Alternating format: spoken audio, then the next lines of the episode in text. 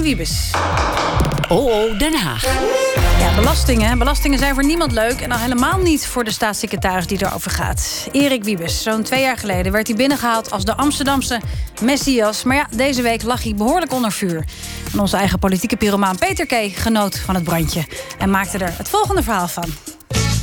Tel de cijfers op en doe gezellig met me mee. Tellen is zo leuk, want 1 plus 1 is 2. Hij heeft wel wat weg van Ernie, die Erik Wiebes, de rekenmeester van dit kabinet. Het gaat dan niet alleen om zijn stem. De staatssecretaris van Financiën heeft ook humor. En is soms een tikkie onhandig. Ik meen uit de uh, toon en de oprechte bezorgdheid hier aan tafel op te moeten maken... dat het misschien verstandig was om een aantal dingen, met een aantal dingen te beginnen... die uh, echt dicht bij de dienst staan. Want Wiebes ligt onder vuur over die dienst de Belastingdienst wel te verstaan. Het is een blamage. Hoe inefficiënt kun je zijn? Het gaat hier over uh, uiteindelijk de belastingmoraal. Je staat erbij en kijkt ernaar. En dat is een pijnlijk beeld. Zijn Belastingdienst heeft te weinig personeel... door een veel te aantrekkelijke vertrekregeling. En dan dook er ook nog een gigantisch privacylek op. Wiebes krijgt het zwaar voor de kiezen. Een puinhoop en een wereld van verschil met twee jaar geleden. Koffie met gebak bij premier Rutte voor de nieuwe staatssecretaris Erik Wiebes. Koning Willem-Alexander heeft de Amsterdamse wethouder Erik Wiebes benoemd tot staatssecretaris van Financiën. Ja, vanochtend heeft hij dus dat gesprek gehad met premier Rutte, zijn partijgenoot. Het was een goed gesprek, we gaan het doen. Wiebes werd binnengehaald als een Amsterdams wonderkind. Een technocratisch talent dat de puinhopen van voorganger Wekers wel even op zou ruimen. Een man verdient lullen, maar poetsen. Zo hadden ze hem leren kennen in de hoofdstad. Hij werd zelfs genomineerd voor de titel van Politicus van het Jaar. Politicus van het Jaar? Wie had gedacht dat ik nog eens een politicus zou worden? Mooi toch? Heel aardig van jullie. Ontzettend aardig. Dan moet ik misschien maar geheim houden dat ik dit soort dingen natuurlijk een heel klein beetje onzin vind. Ik, ben, ik heb het nog altijd niet zo heel hoog op met politici. Als ambtenaar die per ongeluk de politiek was ingerold. Zo staat hij het liefste boek. Geen spelletjes, geen gekonkel, geen politiek.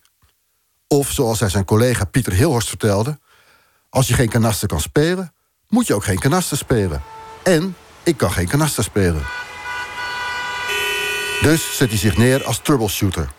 Er is een opmerkelijke anekdote dat hij op de fiets naar een verkeersknelpunt zou zijn gereden. Om met eigen ogen de situatie in te schatten. Zijn oplossing? De verkeerslichten opnieuw in te laten stellen. En jawel, problem solved. Zo zien ze hem graag bij de VVD. Als een slimme weirdo. Iemand die knap carrière maakte van kundig consultant tot talentvol topambtenaar. Een high potential. Zijn klus als wethouder was een opwarmer voor het echte werk. Voor Den Haag.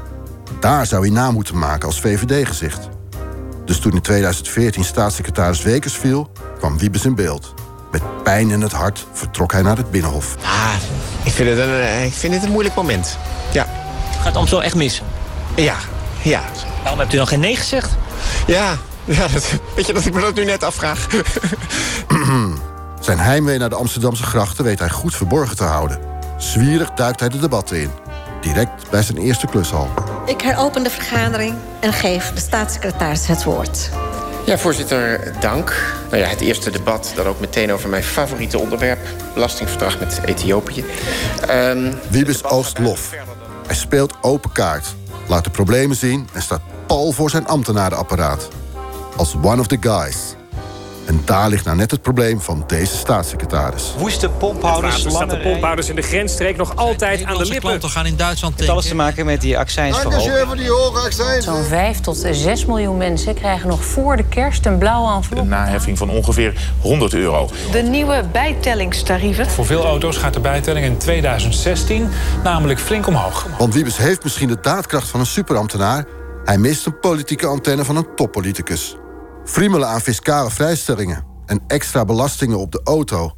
dat is klieren met de kroonjuwelen van de VVD. Zijn Kamerleden laten hem kansloos afgaan. Maar de echte pijn komt nog. De coalitie is er op hoofdlijnen uit. Er moeten nog een paar technische dingen worden uitgewerkt. Dat probeer ik heel snel te doen. En dan willen we echt voor het reces met de andere partijen gaan praten. Wiebes kondigt een nieuw belastingakkoord aan. Groot nieuws. De laatste klus van dit kabinet gaat lukken. Maar hij heeft voor zijn beurt gepraat. Er is een akkoord, maar eh, het is geheim wat erin staat. Is dat niet een beetje wonderlijk? Ja, en wat eigenlijk nog een beetje wonderlijker is... is dat ik eigenlijk zojuist hoor dat dat akkoord... ja, dat mag eigenlijk niet echt een akkoord genoemd worden. Wiebes heeft het politiek gevoel van een kist makreel, zeggen zijn partijgenoten. Zo wordt zelfs een telegraaf met slecht nieuws voor zijn gezicht gehouden... met de vraag, denk je dat we zo de verkiezingen kunnen winnen? Maar de echte stront, die moet nog komen. Een mislukte ZZP-wet. Ruim 3000 ZZP'ers schreven zich vorige maand uit bij de Kamer van Koophandel als zelfstandig ondernemer.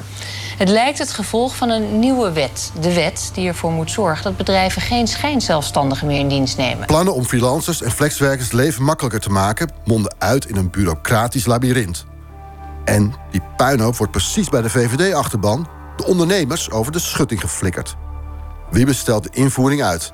En dan is er die Belastingdienst met die riante vertrekregeling. En het was zelfs zo erg dat het ene deel van de Belastingdienst... het andere deel van de Belastingdienst een boete heeft opgelegd... omdat de regeling een verkapt prepensioen was. Dus de Belastingdienst moest een boete van enige tientallen miljoenen euro's betalen... aan de Belastingdienst omdat ze illegaal bezig was. Ja, eh, zo slecht heb ik het zelden gezien. Het blijkt zelfs zo slecht te gaan dat de belastinginning in gevaar dreigt te komen. Vrijdag bleek uit een rapport dat er bij de dienst te weinig kennis is over belastingen. De cultuur is te informeel en alles liep fout bij de veelbesproken vertrekregeling. De Kamer geeft hem nu een allerlaatste kans. Maar zijn eigen partij is al klaar met het politiek autisme van Wiebes. Na deze klus zien we hem niet meer terug in Den Haag. Gelukkig staat hij te popelen om bij zijn eigen belastingdienst aan de slag te gaan. Ik zou er zo kunnen solliciteren. Ja, ja, ja, oprecht ja. Ja, omdat het, omdat het prachtig is. Ja, ja, ja. Jan Paternotte, fractievoorzitter van D66 Amsterdam... kandidaat Kamerlid en de officieuze kroonprins van die partij... heeft meegeluisterd. Jan Paternotte, goedemiddag. Goedemiddag. Op zo'n man als Wiebes kan je toch niet echt boos zijn? Nee, dat was dus in Amsterdam ook nooit iemand eigenlijk. Omdat hij altijd wel, eh, zelfs op eh, de, de heftigste dieptepunten... had hij nog een paar leuke grappen of ontwapenende uh, leuke teksten paraat. Ja, de VVD moet deze man gebruiken. Ik bedoel, die kunnen ze hard gebruiken. Ja, je ziet wel dat hij in, in Den Haag dat het toch een wat andere wiebes is dan, dan in Amsterdam. Want in Amsterdam werd hij echt op handen gedragen. En was het gewoon die slimme wethouder die altijd maar met slimme plannen kwam. En uh, als het echt uh, niet zo slim was, nou, dan was iedereen afgeleid door dat mooie stemmetje van hem. ja. Um, maar ja, nu in Den Haag uh, lijkt hij toch ook een beetje in die VVD-cultuur te komen. dat je informatie het liefst zo laat mogelijk pas geeft. En dat, dat is dan wel jammer. Ja, dat was ook zijn verweer gisteren in de Kamer natuurlijk, bij dat, dat felle debat. Ik wist het niet. Ik was er niet van op de hoogte. Ik kan niet alles weten. Ik kan niet alles lezen. Ik ben Superman niet. Dat zei hij allemaal. Nou, dat heeft hij ook heel eerlijk erkend natuurlijk over die vertrekregeling. Dat hij dat heel lang niet heeft geweten. Maar aan de andere kant, uh, toen hij het eenmaal wel wist... duurde het ook weer heel erg lang voordat hij dat allemaal eerlijk uh, netjes aan de Tweede Kamer heeft verteld. Maar is het een werkwijze die hij kent in Amsterdam? Nou ja, nee, want in Amsterdam zat hij er altijd echt bovenop. Hij was soms zelfs een, een micromanager. Dus hij, uh, hij het stond erom bekend dat hij soms midden in de nacht... nog allemaal stukken aan het doorwerken was om de berekeningen te checken. Maar ja, de Belastingdiensten werken twee keer zoveel mensen als bij de hele gemeente Amsterdam. En hij had alleen maar de portefeuille verkeer en ICT. Vrij kleine portefeuille in, uh, in Amsterdam. Dus ja, het is natuurlijk, de schaalgrootte is veel anders. Dus je gelooft het wel wat hij zegt? Uh, ik geloof wel dat hij zegt dat hij dat dan echt niet, uh, niet weet. Maar dan heeft hij waarschijnlijk de regie niet. En in Amsterdam is het ja, op een kleine portefeuille een stuk makkelijker om die wel te hebben. Is hij, is hij, hij komt over als een wat apart figuur, maar ook als een hele, hele snuggere kerel. Ja. Is hij dat? Ja, hij is een hartstikke slimme vent. In Amsterdam kwam hij binnen en was het al meteen de slimme wethouder dus. Hij zei ook meteen dat hij dus geen politicus was. Hè. Dat hoorden we net ook. Uh, dat, hij, ja. dat ik nog eens politicus mocht worden. Ja, ja, dat verbaasde hem toch. Uh, maar eigenlijk was hij wel zo handig dat hij... Uh, alle raadsleden had hij een eigen label opgeplakt. was een GroenLinks raadslid die heel slim was. Met veel plannen kwam. Die noemde hij altijd het oplettende raadslid. maar daarmee dacht iedereen al... Ja, haha, het oplettende raadslid. Ja, ja. Dus daar had Wiebes eigenlijk al helemaal geen last meer van. En hij, hij zorgde dat hij met iedereen goed contact hield. Dus... Uiteindelijk was hij best een slimme politicus. Ook altijd als het parool even weinig nieuws had... dan kwam Wiebes wel op de voorpagina met wat nieuwe plannen. Dus dat beeld is onterecht? Ja, vanuit Amsterdam lijkt het onterecht. Maar ja, in, in Den Haag hoor je dat uh, heel vaak nu terug. Dat uh, de VVD'ers daar niet tevreden zijn. Kismakreel. van de kismakreel. Ja. ja, wat is dat nou weer? Wie, wie heeft dat bedacht? Die, ja, dat zeggen ze die kismakreel. Ja, maar is dat zo, dat politieke instinct? Wat, wat je je de hele tijd afvraagt bij hem is... hè, dat beetje onhandige. Waardoor die denk ik toch ook wel met, met sommige dingen wegkomt. Dat zag je nu ook bij dat debat gisteren. Is dat een beetje gespeeld? Nee, dat, ja, het is een beetje dat hij dat ook cultiveert. Maar het is ook wel echt, eh, het is natuurlijk ook echt een vent die... Je moet er eventjes aan wennen. Want hij eh, vertelde al in een van de eerste gesprekken die ik met hem had... dat hij niks had met feestdagen bijvoorbeeld. Met kerst zat hij het liefst in bad om het verzameld werk van Tolstoy door te nemen. Eh, in plaats van dat hij met de familie aan tafel zit. Dat vond hij allemaal een beetje onzin. Ja, Ja, het was natuurlijk wel een hele harde werker. En heel, veel, heel lang dachten mensen ook van... zou die nou wel eh, echt een privéleven hebben? Maar hij bleek een hele leuke vriendin te hebben. Oh ja? Dus Oh. ja, ja, het is eigenlijk... eh, En die heeft hij nog steeds. ik bij denk jou dat, dat weten. op basis van het imago dat hij cultiveerde... verwachten mensen dat niet. En die heeft Ja, hij ja. nog steeds. Ja. Ja, dus het is wel een beetje gecultiveerd. Maar hij is wel een aparte vogel die, die van hard werken houdt. En niet te veel... eh, Het is ook wel, ja, in eh, vakanties had hij ook niks mee. Dus Oh, nee? dan, eh, als, als iemand dan, dan vertelde dat hij op het strand ging liggen... dan zei hij op het strand, in dat zand, dat doe je toch niet? Hij ging zelf dan? naar? Minneapolis om daar eh, te kijken... hoe je kunt fietsen in een stad zonder fietspaden... en wat Amsterdam daarvan kon leren. Dat ging hij dan in de zomer doen. ja, ja, en dat deed hij dan ook echt. En dat deed hij dan ook echt. Of het metrosysteem in Vancouver eh, bestuderen. Ja. Dus dat verhaal over dat stoplicht dat we in de, in de reconstructie hadden, dat klopt ook wel. Ik ken het niet, maar het zou zomaar kunnen kloppen. Ja. Even zelf te nemen. Maar hoe, hoe zie jij de, zijn toekomst? Want hij is natuurlijk wel binnengehaald als de Amsterdamse Messias in Den Haag. Is hij binnengehaald en er werd heel veel van hem verwacht. Nou ja, een, klein, een paar kleine smetjes op zijn naam. Hoe gaat het verder met hem? Ja, hij, zal, eh, hij heeft natuurlijk nu allemaal heel eerlijk bekend waar hij tegenaan loopt. Dus het gevoel van het wonderkind die eventjes daar de Belastingdienst op orde kon brengen. Terwijl ja, daar eerdere staatssecretarissen op stuk zijn gelopen. Nou, dat beeld is nu wel weg.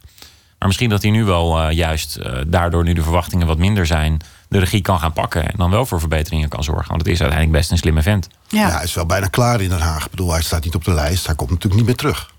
Ja, dat weet ik niet. Dat is natuurlijk eh, sowieso natuurlijk de vraag eh, hoeveel VVD'ers er terugkomen. Maar eh, nee, ja, maar dat, ik, ik weet niet of die niet meer op de lijst Nee, hij staat. staat niet op de lijst. Maar het, is wel, het begint wel een beetje opmerkelijk verhaal te worden. De Amsterdamse ziekte wordt het al genoemd. Als verlosser binnenkomen, Wiebes. Ja. Ja, we hadden Job Cohen, dat was in Amsterdam natuurlijk een soort, Cohen. soort halfgod. En die kwam eigenlijk weer terug op aarde in Den Haag. En, en Lodewijk Asscher, die, die, die staat vooralsnog is hij de leider van de zevende partij in de peilingen. Dus het eh, lijkt een beetje langzaam op het op Nederlands elftal met penalties. Hè? Dat je blij bent als het een keer wel goed gaat. Ja, Paternotte gaat naar D66 landelijk. Van Amsterdam naar de landelijke fractie. Ja. Mogen we daarvan verwachten dan? Nou, ik hoop dus dat ik die Amsterdamse reputatie een beetje kan gaan bijstellen. Maar dus, eh, misschien is het ook wel te danken aan Wiebes dat de verwachtingen dan nu wat, wat minder hoog gespannen zijn. Omdat ik eh, dan Ja, ja.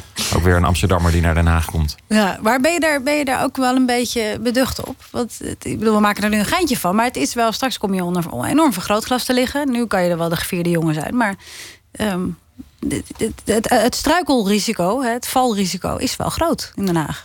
Ja, en het is, is- op een of andere manier is het vaak zo geweest dat op Amsterdammers die dan naar Den Haag komen meteen enorme verwachtingen werden geplakt. Ja. Eh, of nou Asscher of Cohen is Ja, of, eh, of Wiebes. eh, Nou jij komt ook binnen als de opvolger, de, de troonpretendent, de opvolger van Pechtold. Ja, ja, het, eh, we verwachten niks anders. De troonpretendent. Ja, dat is alweer zo'n mooie, zo'n mooie term natuurlijk.